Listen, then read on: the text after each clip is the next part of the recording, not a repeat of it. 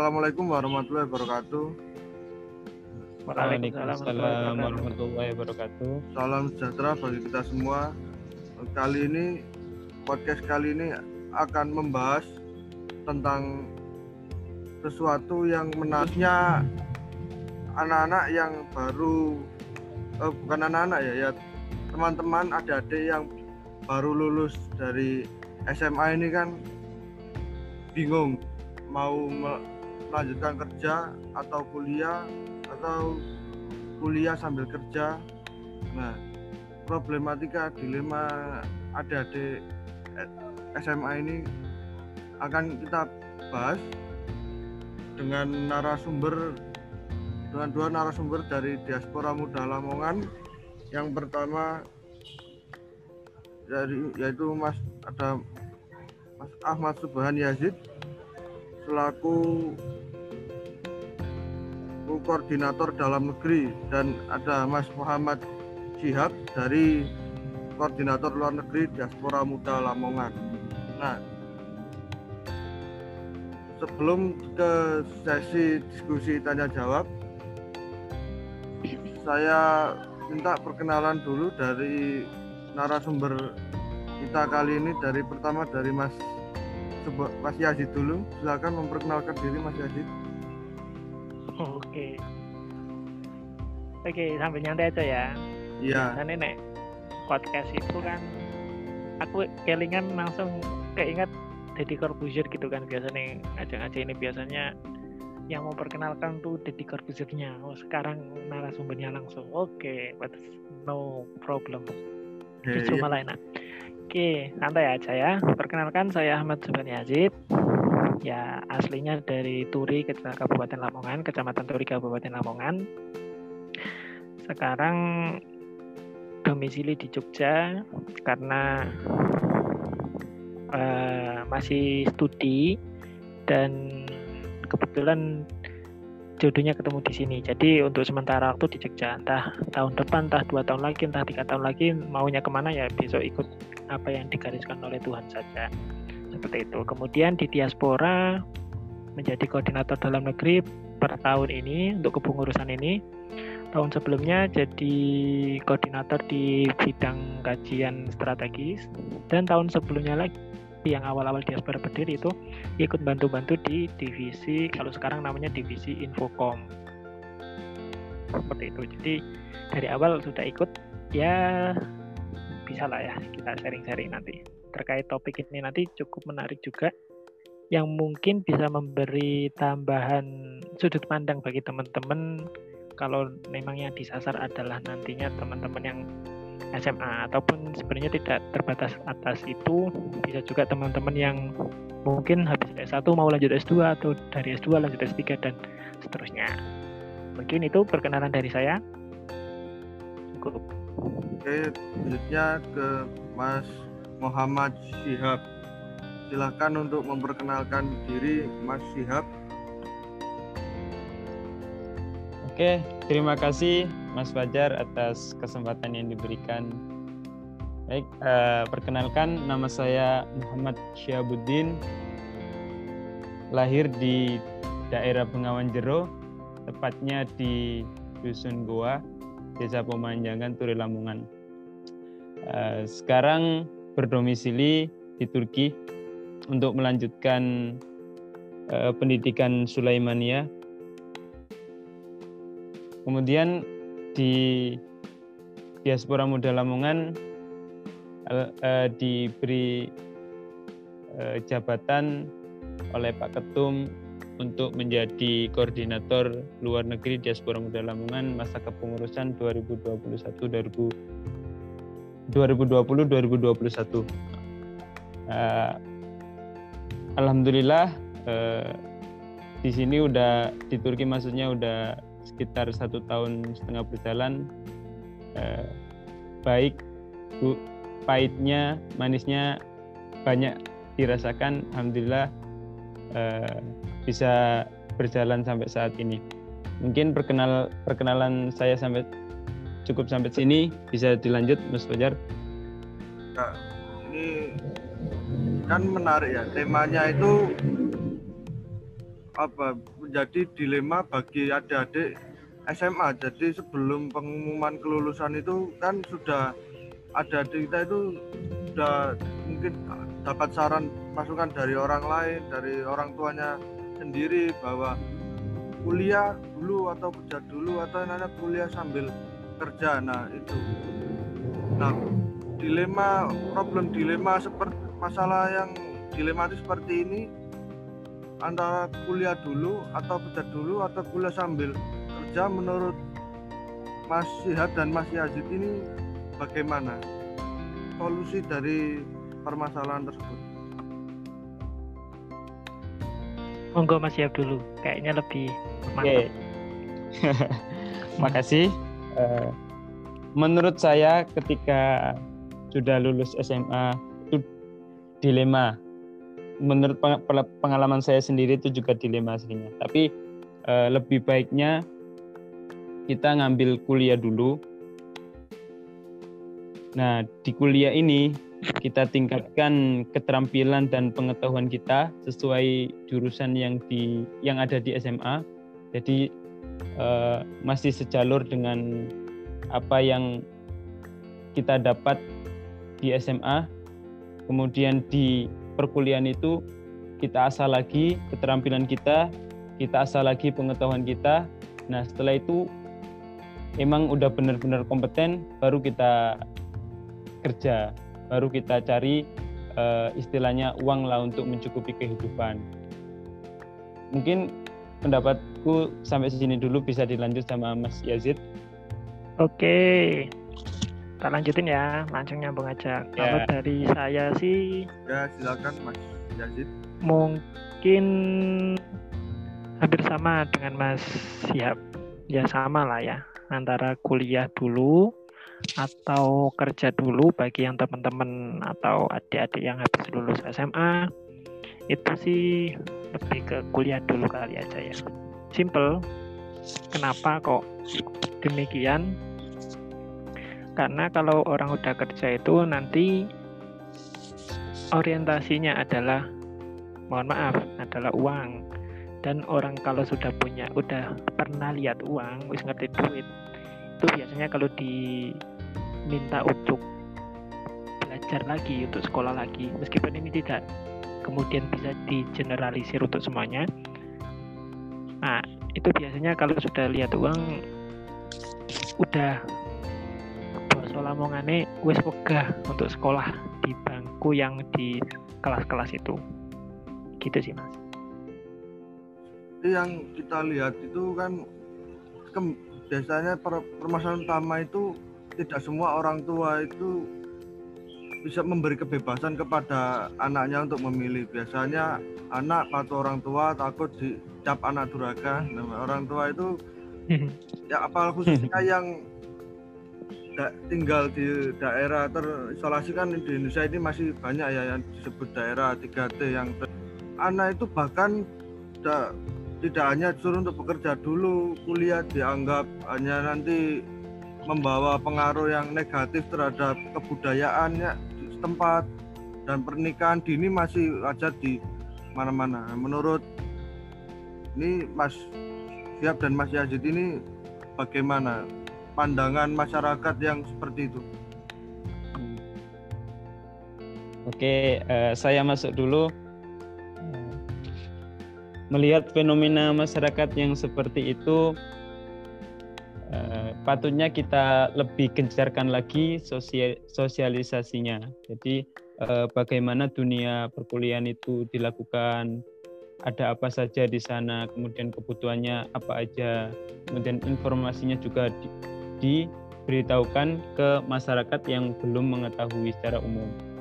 Tapi eh, melihat betapa masifnya dunia maya seharusnya anak muda sekarang sih pastinya sudah bisa mengerti tentang eh, akses mengenai dunia perkuliahan tanpa harus disosialisasikan pihak lain aslinya. Tapi eh, di, satu, di satu sisi kita harus gencar maksudnya dari mahasiswanya kemudian dari perguruan tingginya harus saling bekerja sama mengintegrasikan untuk eh, mensosialisasikan apa itu dunia perkuliahan bagi masyarakat yang istilahnya 3T tersebut kata Mas Fajar tadi.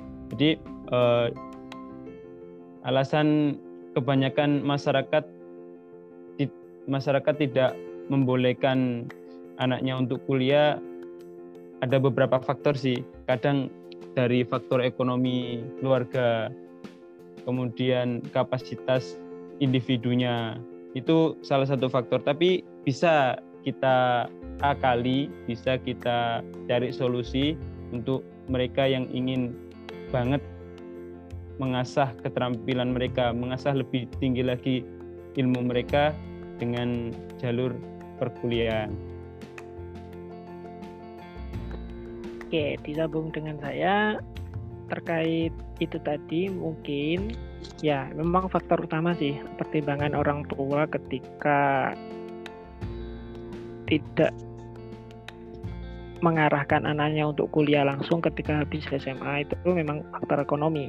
Tidak bisa dipungkiri di mana-mana memang oh kuliah larang. Nah, itu kemudian membuat orang tua pun berpikir bagaimana nanti menyekolahkannya melanjutkan membiayai biaya kuliahnya seperti itu tapi di satu sisi ya benar apa yang tadi dikatakan oleh Mas ya bahwa sekarang arus teknologi itu bisa diakses oleh siapa pun dari mana pun dan jumlahnya sangat berlimpah.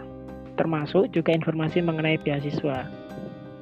Jadi kalau memang ada ekonomi, ada permasalahan ekonomi, sebenarnya sudah bisa dijawab dengan adanya beasiswa. Beasiswa pun tidak sedikit penyelenggaranya. Ya, ini saya ber uh, pendapat demikian karena kenyataannya saya sendiri seperti itu. Dulu waktu awal kuliah itu juga mempertimbangkan oh nantinya kuliahnya pakai biaya apa ya seperti itu akhirnya saya berpikir cepat waktu itu dari kampus memberi kesempatan bagi mahasiswa baru untuk mendaftar beasiswa saya daftar dan alhamdulillah saya dapat beasiswa sampai lulus bahkan tiap bulannya juga mendapatkan uang saku seperti itu jadi sebenarnya tidak ada alasan. Itu waktu itu mungkin baru terbatas ya, mungkin bisa dibilang ada biasa hanya beasiswa yang besar itu ada beasiswa bidik misi dan beasiswa santri berprestasi. Tapi kalau sekarang kita mengikuti media, bahkan nggak hanya dari negara, dari institusi, dari komunitas itu juga banyak yang memberikan uh, beasiswa kepada calon-calon mahasiswa yang memiliki keterbatasan ekonomi seperti itu. Ya, tadi Mas Yazid menyinggung yang pertama soal pekerja orientasi pada uang. Nah, mengenai hal itu sekarang ini meskipun era digital tetapi orang berpemikiran terbuka juga ya tidak bisa dianggap pemikirannya salah tetapi ya menganggap mereka yang kuliah itu apa? Kuliah kalau tidak sambil bekerja itu apakah tepat menurut Mas Siap sama Mas Yazid ini. Kuliah sambil bekerja. Dan soal manajemen waktu ini menurut Mas Siap dan Mas Yazid ini bagaimana? Tadi kan awalnya baru tentang topik kuliah dulu atau kerja dulu. Nah, kalau kuliah dulu atau kerja dulu, saya jawabnya gitu tadi. Tapi ketika berjalan kemudian ketika kuliah kemudian nyambi kerja itu itu pun sangat bagus. Itu pun sangat bagus untuk mempersiapkan nanti ketika sudah selesai tanggung jawabnya di bangku kuliah pastinya apalagi kalau laki-laki ya nantinya akan menjadi kepala keluarga itu kan akan mendapatkan tuntunan eh tuntunan sorry tuntutan atau tanggung jawab untuk memberi nafkah mau nggak mau dengan cara kerja. Jadi kalau emang bisa ketika kuliah sambil nyambi, nyambi nyari kerjaan sambil kerja apa pun, itu malah lebih bagus. Seperti itu ya, dengan catatan kuliahnya tidak di kemudian kuliahnya kemudian dikalahkan seperti itu. Jadi kuliahnya tetap jalan, kalau bisa lulus tepat waktu, kerjaannya tetap jalan solusinya ya nyari kerjaan yang tidak terlalu menuntut banyak waktu sehingga masih ada waktu yang dialokasikan untuk belajar untuk menyelesaikan kuliahnya. Seperti itu. Oke, uh, nyambung sama Mas Yazid. Kalau ditanya kuliah sambil kerja sih, menurutku oke-oke saja. Malah lebih baik karena di situ kita bisa belajar hidup mandiri, kemudian juga bisa belajar bagaimana merasakan dunia kerja sambil kuliah. Nah, tapi juga ada beberapa faktor kalau menurutku faktor uh, minus plusnya tentang kuliah sambil kerja. Jadi ketika kuliah sambil kerja dilakukan, kebanyakan uh, beban utama yang dikalahkan oleh mahasiswa yaitu tentang waktu. Jadi uh, harus pintar-pintar kita membagi waktu antara bekerja dan kuliah. Nah, ketika waktu itu waktu sudah bisa dikontrol, bisa dimanage dengan baik, otomatis hasilnya akan baik, baik karena imbang antara kuliah dan e, kerja. Nah, apabila salah satu ini tidak imbang, entah itu e, gegara waktu bekerjanya terlalu berat, kemudian sehingga kuliahnya tertinggal itu akan menjadi faktor minus yang apa ya bisa menurunkan niat awal kita untuk kuliah. Jadi eh, bekerja ini bisa menjadikan eh, senjata yang mematikan bagi mahasiswa ketika sudah enjoy dengan pekerjaannya kemudian melalaikan tugas akademiknya. Nah, menurut itu. Tapi poin plusnya itu sangat baik karena di situ juga ketika kita lulus kuliah, otomatis pengalaman pekerjaan kita sudah punya. Kemudian eh, dalam kedisiplinan pun kita sudah terlatih lah istilahnya itu untuk uh, memanage waktu bagaimana kita bekerja, kemudian mengatur waktu bagaimana kita melakukan hal-hal yang di lain pekerjaan itu sangat bagus. Tapi harus imbang, intinya di situ harus mengimbangi antara dunia perkuliahan dan dunia kerja. Soalnya uh, prestasi akademik akan menentukan uh, hal itu. Mungkin dari situ tanggapan saya kenapa saya tanya mengenai sampai ke manajemen waktu dan bekerja sambil bekerja sambil kuliah? Karena banyak teman saya dulu waktu semester 3 dan 4 itu orang tuanya itu hanya membayar UKT itu pas-pasan itu. Kan ekonominya ya menengah ke bawah membayar UKT pas-pasan dan memberi uang saku itu tidak bisa rutin. Nah, makanya anaknya yang awalnya terpaksa untuk bekerja kemudian sudah nyaman dengan pekerjaannya karena memang juga untuk menopang hidupnya di perantauan. Nah, maka itu. Lalu gini. Kemudian ada beberapa dari mereka juga yang juga pengak mas jadi tidak menutup kemungkinan akademisnya pengaruh sampai ya IPK turun dan ya ya mungkin manajemen waktu mungkin yang kurang tepat atau apalah saya kurang tahu tapi awalnya akademiknya bagus menjadi kurang bagus. Nah, apalagi sekarang ini era kompetitif ini kan orang-orang saling mengunggulkan kompetensi diri untuk mendapatkan pekerjaan yang layak. Nah ini solusi dari permasalahan ini bagaimana menurut narasumber? Menurut saya harus pintar-pintar lagi membagi waktu, kemudian mengasah pikirannya. Soalnya beban pekerjaan itu sangat berat. Beban fisik, kemudian bisa mempengaruhi perkuliahan. Semisal ketika kita punya job atau shift malam, kemudian paginya kuliah, itu faktor-faktor uh, yang bisa mempengaruhi kita dalam uh, apa ya memaksimalkan materi perkuliahan menyerap ilmu-ilmu yang didapat itu sangat pengaruh. Bisa jadi di kelas ngantuk kemudian bisa jadi eh, kurang semangat pas di kelas. Yaitu harus kita lawan maksudnya eh, kita hilangkan penghambat-penghambat seperti itu. Kalau sudah masuk kuliah kalau sudah masuk kelas sudah menerima pelajaran harus fokus. Nah itu tantangan bagi mahasiswa yang bekerja ketika waktu kuliah. Nyambung ya. Nah kalau memang kenyataannya seperti itu awalnya prestasinya bagus IPK-nya tinggi. Kemudian ada tuntutan untuk bekerja ternyata kok IPK-nya jadi turun. Itu bagaimana solusinya?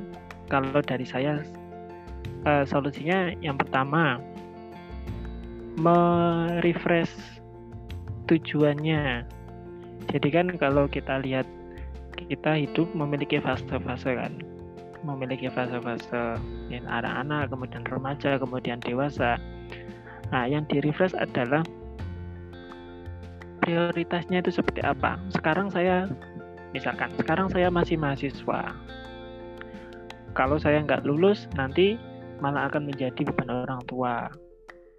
Kan nggak dapat gelar sarjana yang mana notabene sekarang masih untuk beberapa perusahaan itu memang masih mementingkan gelar sarjana itu atau apalagi PNS gitu kan uh, masih banyak yang mengandalkan gelar sarjana sebagai seleksi awal. Jadi memang harus dipikirkan lagi.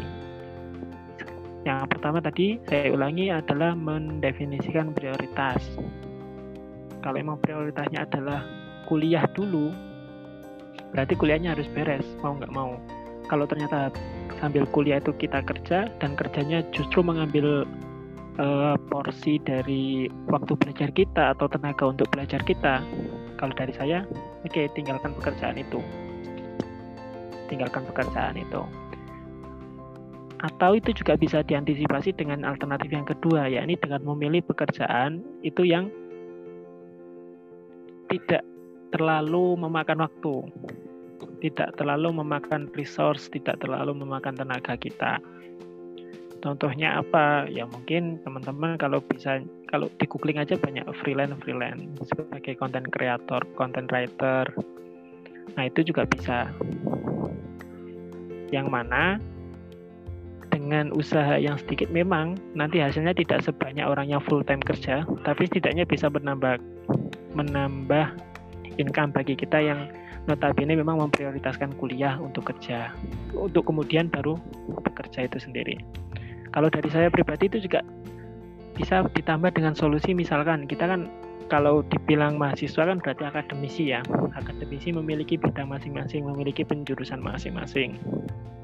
Itu di bidangnya masing-masing juga ada pastinya ada kompetisi, ada lomba. Misalkan di jurusan hukum ada lomba debat, di jurusan sastra ada lomba puisi misalkan, di jurusan uh, komputer ada apa namanya lomba programming misalkan nah, atau apa pun itu yang uh, relevan, yang linear dengan dengan bidang studi itu akan sangat mendukung. Jadinya kita oke okay, bisa dibilang bekerja tapi sambil belajar. Kok belajar? Belajar karena sesuai dengan bidang studinya itu tadi. Jadi kalau disingkat alternatif dari saya adalah mendefinisikan prioritas itu tadi. Kemudian yang kedua adalah mungkin yang bisa jadi alternatif adalah mencari bidang kerja yang sesuai dengan jurusan sehingga kalaupun kita kerja juga itu berarti juga mendukung untuk kuliahnya. Kalau kita kuliah berarti juga untuk membekali untuk pekerjaannya itu tadi sehingga keduanya bisa berjalan beriring bersamaan. Karena kita tadi membahas orang lain, nah sekarang kita ingin tahu pengalaman dari narasumber kita podcast kali ini Mas Had dan Mas Yazid dulunya sebelum masuk sebelum ya belum masuk perguruan tinggi sampai ke bangku kuliah dulu sempat terpikir kuliah dulu kerja dulu atau kuliah sambil bekerja. Nah, ini menarik kan dari narasumber kita podcast kita kali ini. Sila- Silakan Mas Siap dan Mas Yazid boleh bercerita ya meng- nostalgia masa lalu lah tentang tema podcast kita kali ini. Silahkan.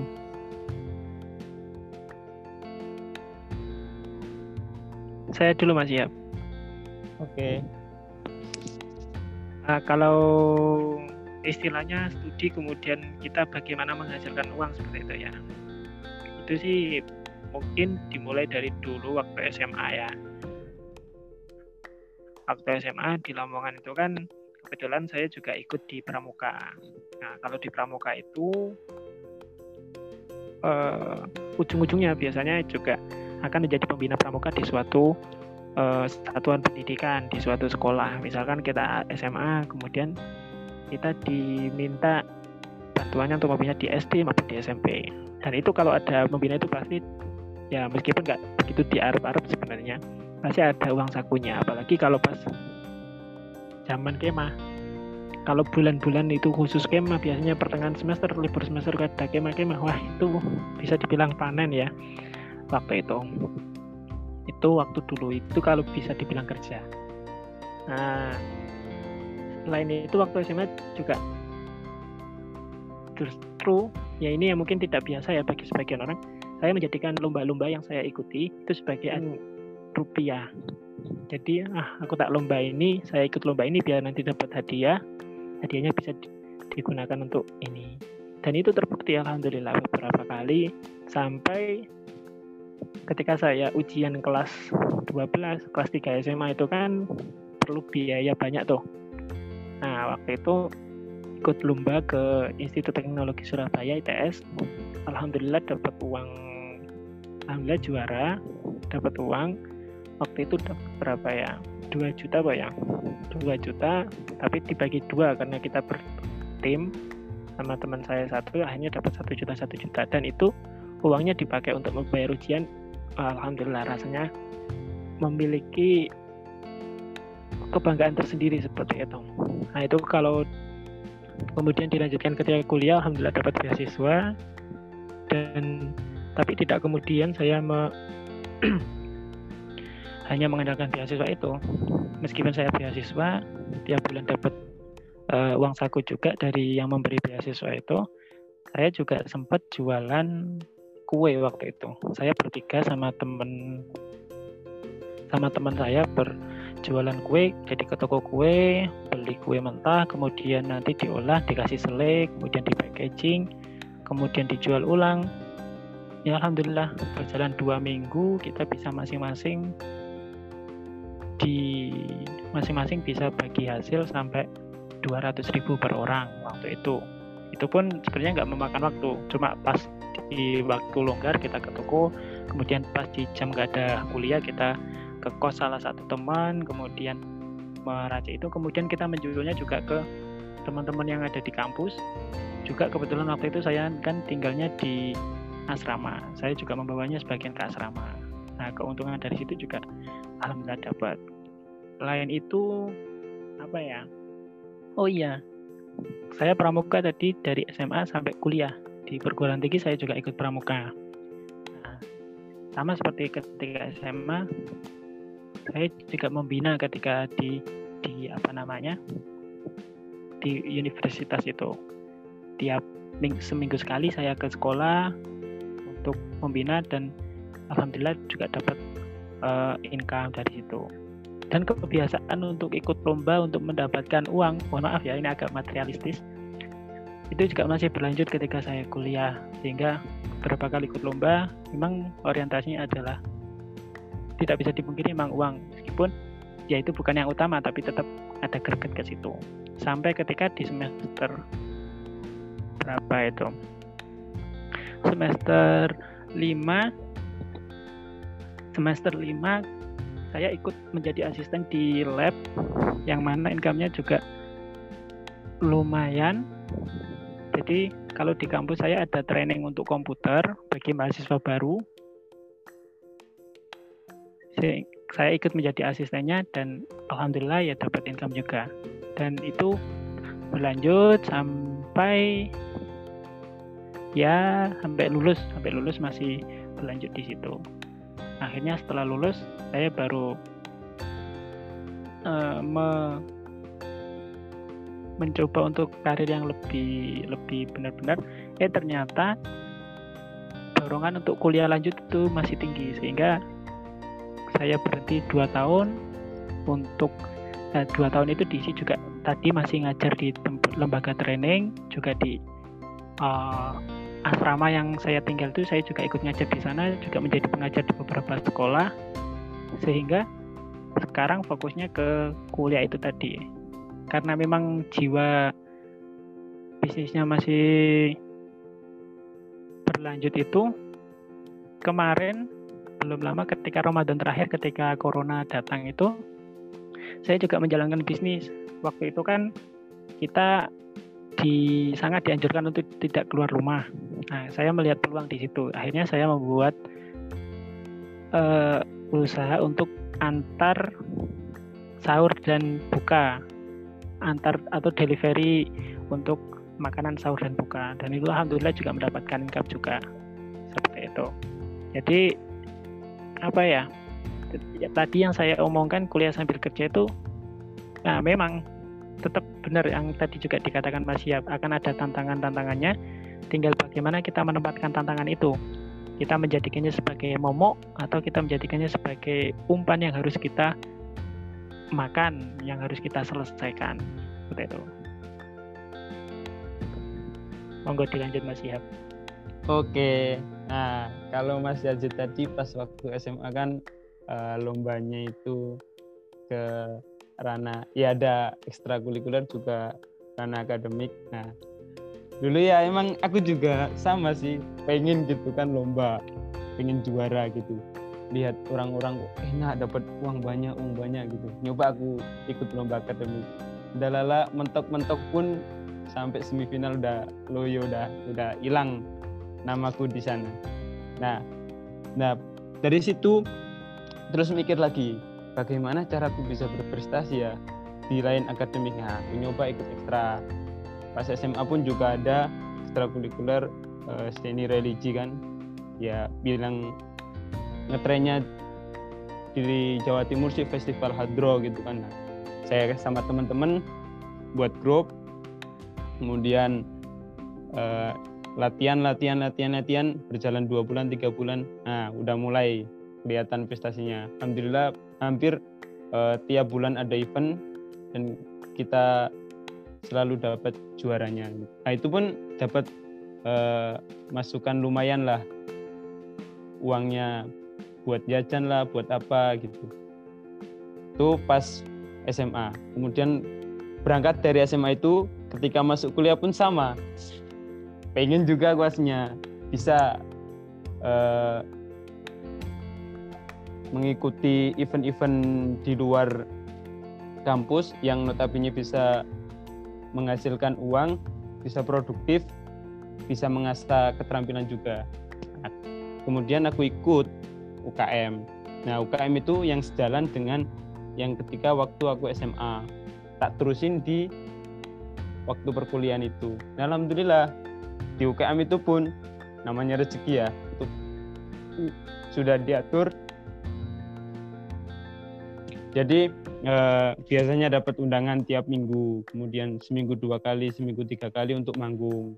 Itu lumayan dapat bayaran, kumpulin, lama-lama pun banyak juga kan nah bisa bantu eh, apa ya istilahnya buat tugas semester akhir tugas semester akhirnya buat nutupin kebutuhan yang lainnya meskipun ya dulu alhamdulillah dapat beasiswa dari Pemkab Lamongan itu pun nggak harus jadi satu-satunya apa ya pemasukan kita untuk bayar kuliah. Jadi bisa kita cari dengan yang lain. Kalau ada lebih kita buat jalan-jalan kan enak. Jadi kuliah dapat pengalaman uh, organisasi dapat kemudian jalan-jalan pun dapat. Jadi enak kita nikmatin masa-masa itu gitu. Nah pun nggak nggak cuma UKM doang sih yang apa ya aku ikutin pernah juga aku ikut temen jadi kerja di Oh nyambung ke Mas. Nyambung ini Gimana? ya. ya Nyambung tadi Mas Siap nyinggung tentang jalan-jalan biar nggak kelupaan. Ah. Ketika kuliah pun karena itu tadi ikut lomba, ya saya pernah diberangkatkan kampus ke Kendari, ke Sulawesi. Itu juga kemah nasional dan di situ ada Oh. uang sakunya, ada uang sakunya dan itu bisa dibilang income juga kayak gitu. Waktu SMA juga pernah diberangkatkan ke Batam, ke Sulawesi, Sulawesi ke Kepulauan Riau, Batam Kepulauan Riau itu juga dapat uang saku dan lumayan untuk ditambahkan sebagai income. Nah, Monggo Mas, mohon, sekali, mohon ya. maaf tak salah dikit takut kelupaan. Lanjut. Ya bagus. Nah, itu juga jadi eh, berangkat dari aku manggung ke sana ke sini itu pun plus udah udah poin plus udah dapat pemasukan kemudian dapat wisata gratis yang di sekitar sana kadang-kadang sama yang undang ayo mas ke sana mas gitu. Kita gratisin Itu poin plus gitu. Jadi eh, di sisi lain dapat eh, yaitu pemasukan tadi ya buat refreshing juga biar nggak eh, sumpek di dunia perkuliahan. Di lainnya juga itu tadi pernah ikut temen jagain counter meskipun nggak lama ya minimal pengalaman lah pengalaman utak atik AP itu bisa juga jadi sumber ilmu kita juga sumber pemasukan kita ada lagi pernah aku itu ikut event-event jadi eh, suatu perusahaan mau ngadain festival di salah satu eh, gor di kampus. Nah, kemudian aku ikut di dalamnya, ikut ikut kepanitiaannya. Nah, ntar juga ada fee di situ lumayan. Jadi eh, ada aja hal-hal yang bisa kita manfaatkan di dunia perkuliahan untuk menambah pundi-pundi uang kita nggak monoton di kelas saja. Di luar kelas itu banyak kesempatan kesempatan yang bisa kita ambil. Kemudian eh, bisa juga buat ngajar bimbel-bimbel itu sudah pernah saya alamin juga lumayan pemasukan juga. Di sisi lain mengamalkan ilmu. Jadi semakin kita mengambil banyak apa ya istilahnya resiko ya tantangan itu semakin berat tapi hasil yang kita dapat pun eh, semakin banyak dan semakin beragam ilmu-ilmu yang akan kita dapat. Jadi kuliah, kerja dapat, jalan-jalan dapat, ya alhamdulillah berjalan waktu, enjoy lah kita nikmatin. Gimana Mas Yap? Sudah cukup atau ada tambahan lagi? Eh, mungkin tambahan dari saya jadi eh, kita lihat di dunia pekerjaan sekarang apalagi yang di perusahaan-perusahaan BUMN atau yang lain swasta pun juga sekarang syarat minimal itu dapat ijazah ijazah S1 minimal minimal nah oleh sebab itu untuk mendapatkan pekerjaan yang istilahnya lebih baik lagi, lebih enak, ya harus diselesaikan dulu kuliahnya itu. Minimal ij- ijazah S1. Nah, melihat kondisi sekarang ijazah S1 pun sudah banyak.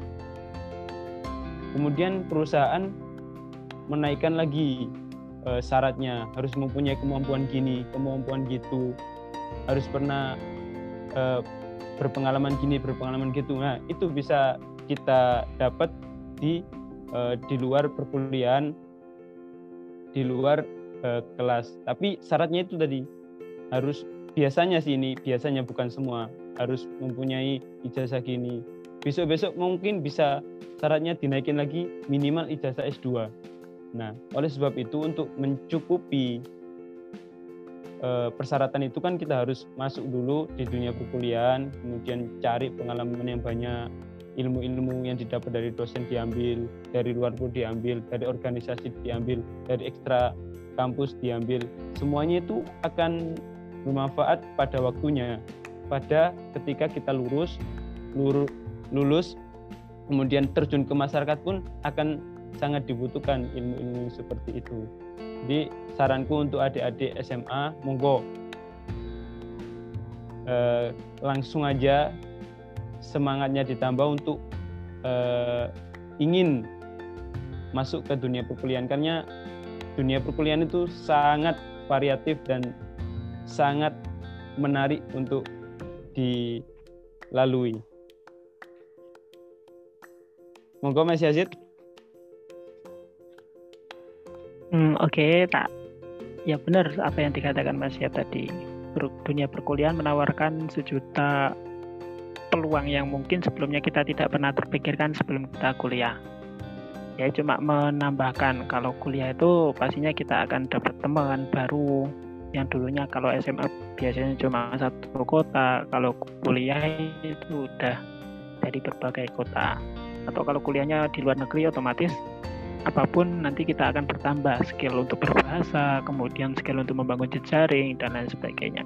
Dan memang yang saya rasakan ketika saya kuliah itu jejaring itu atau jaringan teman-teman yang dari mana dari mana itu yang sangat berharga.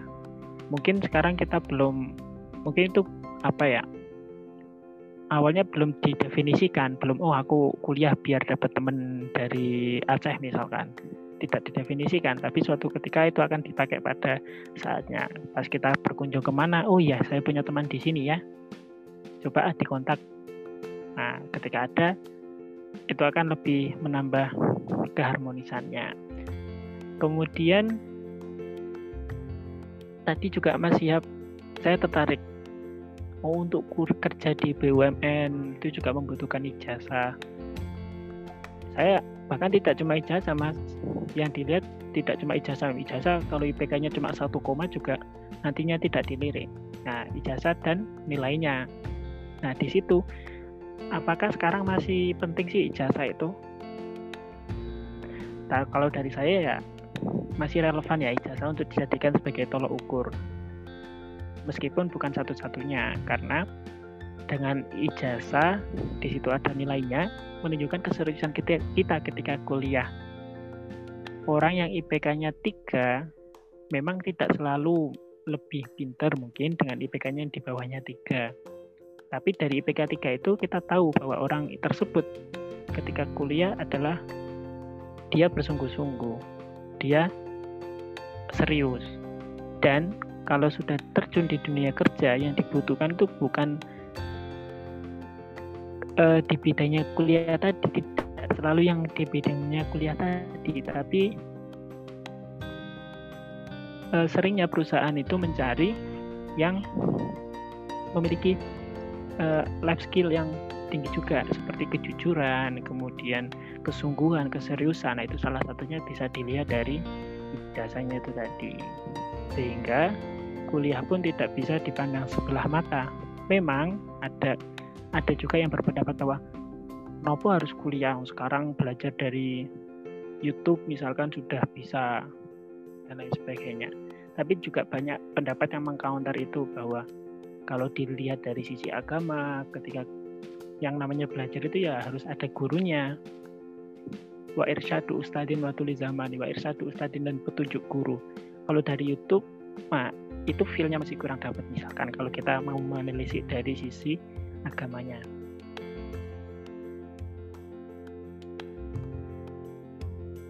Belum podcast ini saya tutup saya apa itu pesan untuk dua eh, pesan dari kedua narasumber kita kali ini tentang tema podcast kita kali ini. Kerja dulu kuliah dulu atau kerja sambil kuliah. Monggo Mas Syihab dan Mas Yazid ya intinya pamungkasnya adalah mau kuliah dulu atau kerja dulu ya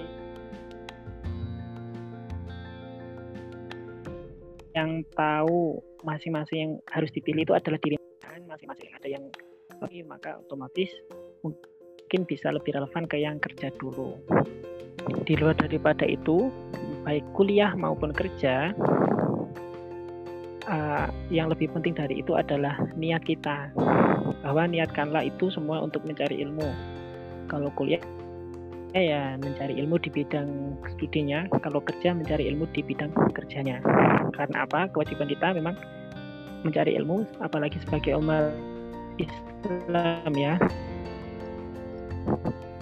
itu adalah mencari ilmu dari lahir sampai menjanjikan orang Allah akan mengangkat derajat orang yang memiliki ilmu. Terfailah lagi amanu minkum waladina utul ilma darajat. Nah, ketika Allah sudah mengangkat derajat seseorang itu, dia pastinya orang tersebut akan digampangkan baik dalam urusan dunianya maupun akhiratnya. Oke, nyambung dikit sama Mas Yazid. Ya, tergantung ke adik-adik yang baru lulus SMA-nya ya. Sekiranya emang sudah lulus, kemudian punya kompetensi yang handal di bidangnya monggo. Ya mau kerja ya monggo gitu kan.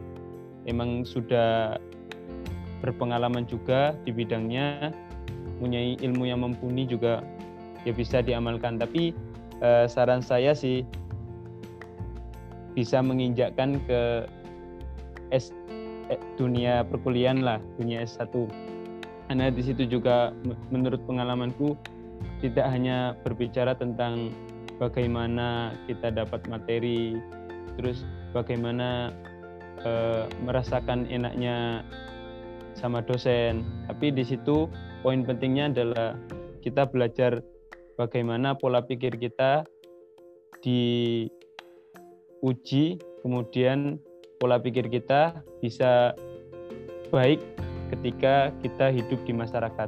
Itu poin pentingnya. Karena apa? Di situ pengalaman yang banyak akan kita dapat, kemudian akan mempengaruhi kita, mempengaruhi mindset kita dalam hidup bermasyarakat besok. Jadi eh, kita udah dapat bekal yang bagus, kemudian kita bawa ke masyarakat untuk mengubah masyarakat yang lebih baik lagi. Sudah baik, kita lebihkan lagi, kita buat perubahan yang eh, sejatinya bisa membuat uh, masyarakat lebih sejahtera lagi dalam hidup. Itu poin penting dari tugas mahasiswa. Tapi kalau emang sudah nggak ada niatan untuk kuliah tapi fokus untuk bekerja ya udah langsung aja lanjut mantep gak usah tengok kanan kiri langsung kerja wes kerja kerja kerja tapi yang ngono kudu totalitas oleh setengah-setengah. Ngono kerja wes nyempil saiti wis gak nurus nomane yes malah uh, gagal dua kali. Sisi lain gagal pekerjaan sisi lain gagal dalam dunia pendidikan. Itu saranku. Dari saya mungkin cukup. Uh, ya terima kasih Mas Syihab dan Mas Yazid. Ya podcast kita kali ini sungguh menarik dan tentunya inspiratif dan banyak pelajaran yang bisa diambil. Kasih banyak Mas Syihab dan Mas Yazid atas waktu. Sangat menarik pelajaran yang bisa kita ambil. Bisa itu inspirasi untuk kita semua. Dan, dan sekian podcast kita kali ini. Semoga bermanfaat.